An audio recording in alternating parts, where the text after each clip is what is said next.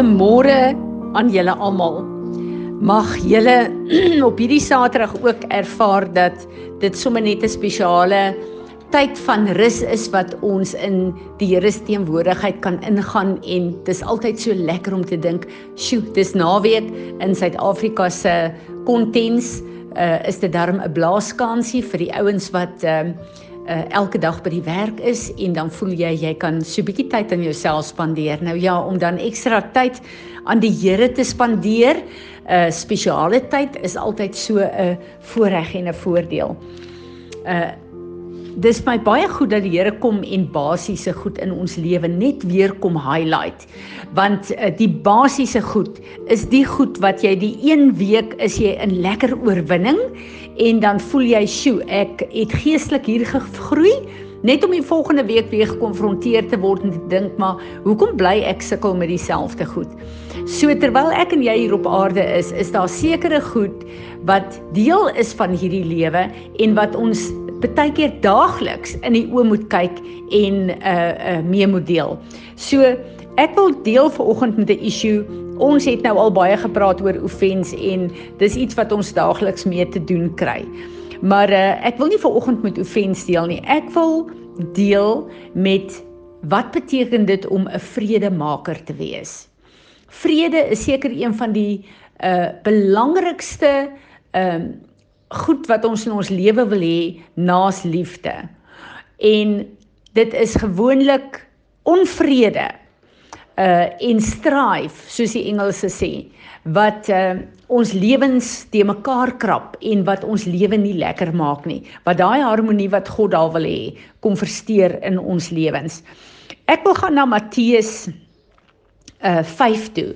Die enigste preek wat Jesus op aarde gedoen het. En ek wil Matteus 5 vers 9 vir ons 'n uh, bietjie lees hier. Blessed enjoying enviable happiness, spiritual prosperous, with life joy and satisfaction in God's favor and salvation, regardless of their outward conditions, are the makers and maintainers of peace, for they shall be called the sons of God. En dan wil ek vir ons in die Passion Translation ook lees.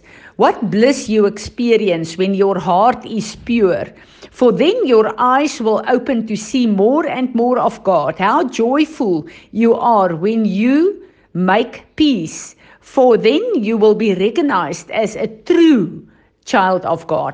So interessant dat hulle hier praat van ware kinders van God, want daar's baie mense wat verklaar dat hulle kinders van God is, maar hulle lewens getuig nie daarvan nie.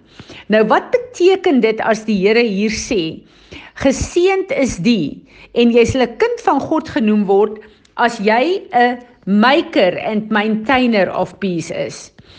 Een van die groot probleme dink ek in die wêreld van Christene en in die kerke is om 'n vals vrede in jou lewe en dan ook in jou huis en ook baie keer in die kerk 'n vals vrede in stand te hou. Nou wat is 'n vals vrede?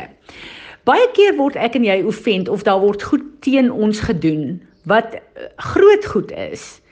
En dan wanneer ons gaan vir counselling ook, dan uh, word daar vir ons gesê, onthou die Bybel sê ons moet uh, vergewe en uh, mense vryspreek. Wat totaal reg is en dis wat die Here wil hê. Maar wat gebeur is wanneer jy regtig deur 'n slegte situasie gaan waar mense jou ernstig te nakom. Is dit nie maklik om sommer net te kom en te sê Here, ek vergewe en ek spreek uh, vry en ek wil uh uh die leen van ek vergeet word ook dan nog bygevoeg nie. Dit is eenvoudig net nie 'n realiteit in ons lewe nie. Ons is geskape 'n gees, 'n siel en 'n liggaam en ons sielste mensie on, is ons emosies een van die sterk sterk faktors. Nou as ons as 'n mens te nagekom word en jy het skade en mense berokken jou skade, is dit nie ehm um, haalbaar om net te gaan sit te vergewe en vry te spreek nie. Jy moet deur jou emosies werk en jy moet in lyn kom met jou emosies. En jy moet letterlik daai emosies ervaar as 'n mens waar jy voel jy wil iemand se nek afdruk. Jy wil iemand jy wil revenge hê, jy wil jy's kwaad, jy wil uh, uh, jy moet deur daai emosies werk en jy moet die realiteit van die skade wat hierdie persoon aan jou gedoen het, moet jy in die oë kan kyk dat al daai emosies wat vanuit ons vleeslike natuur outomaties oor ons kom waar ons wil veg ons wil 'n uh, 'n uh, 'n uh, uh, uh, revenge hê ons wil ons moet daai goed in die oë kan kyk ons moet dit kan deurwerk ons moet letterlik hierdie conversation in ons kop uh, met onsself hê. Ons moet letterlik uh, hierdie ding in ons emosies deurpraat en laat uitwoed.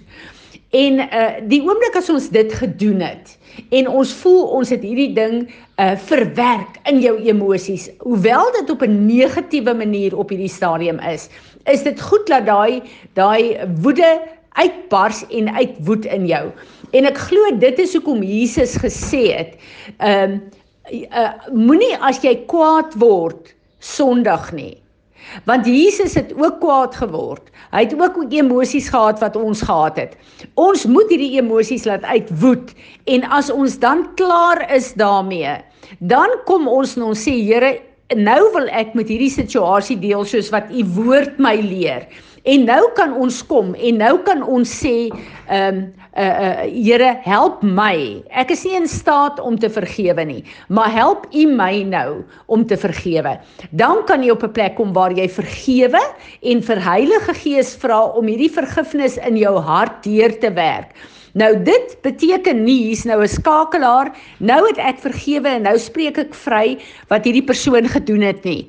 Hierdie is nou hierdie is nou 'n 'n plek waar jy kom en waar jy die Heilige Gees toelaat. Elke keer as jy aan die trauma en die reaksie uh wat hierdie persoon in jou lewe gebring het as jy daaraan dink dan uh, en jy word kwaad in jou gedagtes dan neem jy jou gedagtes gevangene en jy sê Here dankie dat ek hierdie persoon kon vergewe in u naam. En dan begin jy te deel met daai gedagtes. Maar nou moet jy ook op die plek kom waar jy na hierdie persoon toe gaan. Jy maak 'n afspraak as jy, jy uh, klaar die goed self deurgewerk het. Asseblief moenie dit doen terwyl jy nog kwaad is is nie. Dit werk nie. Dan maak jy 'n afspraak en jy gaan na daai persoon toe en jy sê vir die persoon ek kom vrede maak vandag met jou. En dan bring jy hierdie hele situasie na vore. Jy bespreek dit met hierdie persoon en jy uh, uh praat die situasie uit. En uh, uh as hierdie persoon nie wil nie, dan kan jy wegstap. En dan kan jy die situasie vir die Here gee. Maar jy gaan maak vrede. En dan sê jy vir hierdie persoon, uh uh jy uh, uh, gewoonlik in so 'n verhouding, dis nie maklik om sommer net weer in 'n verhouding in te gaan as dit 'n baie slegte situasie was nie. Dan kom jy en jy strek grenslyne in hierdie verhouding. Dit wil sê jy jy plaas hierdie persoon op 'n plek waar hy sekere reëls in jou lewe nie kan oortree nie. Uh uh totdat hy homself bewys het dat hy die vrede regtig wil deurwerk sodat jy weer terug kan gaan in 'n verhouding. So om 'n vredemaker te wees beteken nie om te vergewe en vry te spreek en alles onder die mat in te vee nie. Dit beteken dat jy hierdie situasie konfronteer dat jy 'n vredemaker is en dat jy die vrede van God terugbring in hierdie verhouding in, maar dat dit ook baie keer beteken dat jy grenslyne vir hierdie persoon uh uh um stel in die verhouding wat hy of sy met jou het. Ek hoop hierdie maak vir julle 'n bietjie sin dat ons nie hierdie kookpot is van onverwerkte emosies teenoor mense nie en as iemand in jou teenwoordigheid kom en daai kookpot is deel van hulle dat jy letterlik 'n oorlog in jou gesindheid en in jou situasie uh uh in jouself ontkete nie. En 'n uh, groot ding is wat ons moet verstaan is dat ons gesindheid teenoor mense. Jy hoef nie 'n woord te eh, te sê nie, maar as jy met 'n verkeerde gesindheid instap, almal voel dit, almal ervaar dit. En dit is nie 'n suiwer en opregte hart voor die Here nie. So ek weet hierdie is 'n baie algemene ding, maar is 'n baie baie moeilike ding. Maar God het ons geroep om vrede makers te wees en vrede uh om die vrede uh uh, die Engelse sê maintainers te wees. Vredemakers te wees en sorg dat daai vrede 'n deel is van ons lewe. Want onthou, jy behoort nie aan jouself nie, jy's 'n kind van God. En daarom sê hy, as ons dit doen, dan sal ons ware kinders van God genoem word. En uh, die groot ding is God moet sê of ek sy kind is. Hy moet dit kwalifiseer, nie ek nie. En sy woord sê, een van die plekke, groot plekke om 'n kind van God genoem te wees, is dat jy 'n vredebewaarder sal wees hier op aarde in jou verhoudinge. Kom ek bid vir oggend vir ons daar, daarvoor.